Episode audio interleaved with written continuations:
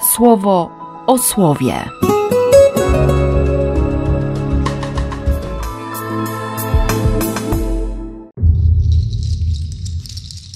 Dwudziesty szósty listopada, piątek. Z księgi Daniela. W pierwszym roku Baltazara, króla Chaldejczyków, Daniel miał sen, jakieś widzenia w swojej głowie, gdy był na łożu. Ten sen tak opisał.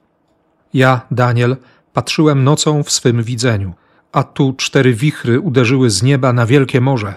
Z tego morza wyłoniły się cztery wielkie stwory, różniące się między sobą. Pierwszy przypominał lwicę, miał skrzydła jakby orle. Widziałem, jak te jego skrzydła zostały wyrwane. Uniesiony został nad ziemię i postawiony na stopach ludzkich. Dano też mu ludzkie serce. A oto drugi stwór, podobny do niedźwiedzicy, w połowie stojący. Trzy żebra były w jego paszczy między zębami.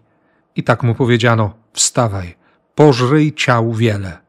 Popatrzyłem za niego, a tu inny stwór, jakby pantera. Miał na sobie cztery ptasie skrzydła. Obdarzony był ten stwór czterema łbami. Jemu dano władzę.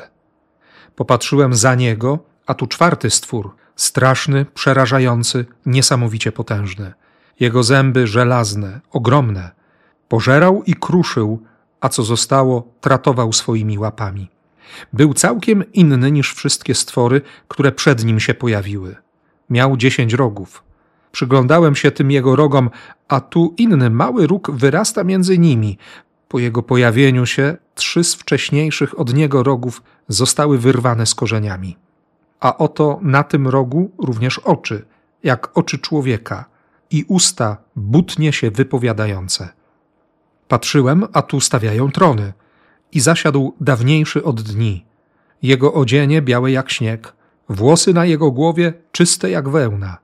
Jego tron z płomieni ognia, jego koła rozpalonym ogniem. Potok ognia toczył się sprzed niego. Tysiąc tysięcy służyło mu, a dziesięć tysięcy dziesiątków tysięcy stało przed nim. Zasiadł sąd i otwarte zostały księgi. Kierowałem swą uwagę na dźwięk tych butnych słów, które ów róg wypowiadał, aż do chwili, gdy stwór został zgładzony. Jego ciało wydano na zniszczenie przez spalenie w ogniu.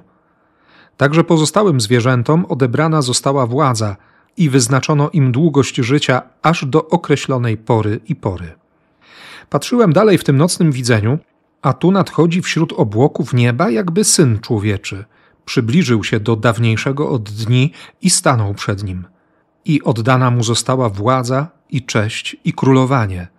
Wszystkie ludy, plemiona i szczepy mówiące odrębnymi językami jemu będą służyły. A ta jego władza władzą wieczną. Ona nie przeminie. Królestwo jego nie ulegnie zniszczeniu. Dygotał z lęku mój duch, a także ja, Daniel, w tym moim położeniu. Te widzenia wprowadziły zamęt w mojej głowie. Z Ewangelii według świętego Łukasza. I opowiedział im przypowieść: Spójrzcie na drzewo figowe i na wszystkie drzewa. Widząc, że wypuszczają pąki, sami wiecie, że blisko już lato. Tak również wy, kiedy zobaczycie, że to się dzieje, wiedzcie, że blisko jest Królestwo Boże. O tak, oświadczam wam, nie przeminie to pokolenie, aż wszystko się stanie. Niebo i ziemia przeminą, a moje słowa nie przeminą.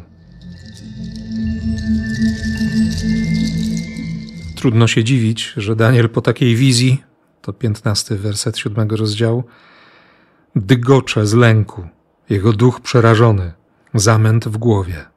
Na szczęście ta wizja zostanie w pewien sposób rozjaśniona. To są kolejne wersety między 16 a 27 cztery królestwa, chaos, świat, w którym nie ma miejsca dla Boga, świat, który nie liczy się z Bogiem, karykatura świata.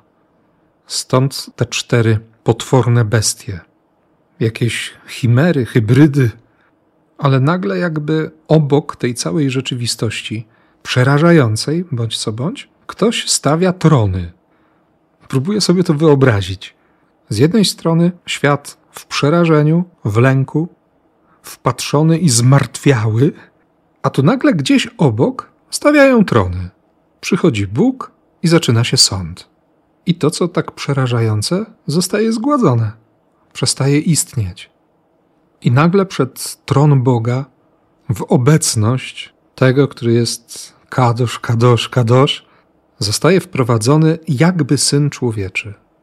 Panowanie, władza, cześć i królowanie zostaje powierzone temu, który nie jest jakąś hybrydą, nie jest chimerą, nie budzi przerażenia. Przeciwnie, jest jednym z nas. My wiemy, że ten tekst zapowiada Chrystusa, Boga, który stał się tak bardzo ludzki, który stał się człowiekiem. Może dlatego ludziom łatwiej go odrzucić, odwrócić się, traktować z wyższością, czasami jak piąte koło uwozu, a czasami jak byt nieistniejący. I dobrze wiemy, że on faktycznie staje się ostatnim, że będzie sponiewierany, odrzucony przez elity religijne, skazany, zabity, schowany w grobie, ale na szczęście dla nas wszystkich powstanie z martwych. Bo jest w nim taka intensywność życia, że żadna śmierć mu nie przeszkodzi. Dlatego z pełną odpowiedzialnością mówi dzisiaj, żeby trzymać się Jego słowa, bo Jego słowo nie przeminie. Oczywiście zapowiada prześladowania, znaki, udrękę, bezradność, przerażenie, a nawet śmierć niektórych. Ale gdy to zacznie się dziać, wyprostujcie się i podnieście głowy, bo zbliża się wasze odkupienie. To jest wyzwanie dla wiary. Ale Jezus potwierdza: Niebo i ziemia przeminą, a moje słowa nie przeminą. Od rana towarzyszy mi przekonanie, że w ten przedostatni dzień roku, liturgicznego oczywiście, Bóg przychodzi nie tyle z przerażającymi wizjami końca, ale z propozycją, zapewnieniem i wezwaniem, żeby chwycić Biblię, otworzyć ją i odnaleźć w niej słowo miłosierdzia, słowo miłości, słowo życiodajne. Usłyszeć Boga, który klęka przed człowiekiem, myje mu nogi, opatruje rany i nie chce śmierci grzesznika, ale robi wszystko, abyśmy zostali porwani do nieba. I znów czytam to słowo jako zaproszenie do dziękczynienia Bogu za Kościół, za życie, które mam dzięki sakramentom, życie, którym mogę się dzielić, którym mogę szafować, w pewnym sensie bez opamiętania, jeśli tylko On tego chce. I dlatego i za moje, i za Twoje życie w Kościele błogosławię Boga. A na codzienne odkrywanie mocy Słowa w zaufaniu Najwyższemu błogosławię Ciebie w imię Ojca i Syna i Ducha Świętego. Amen. Słowo o słowie.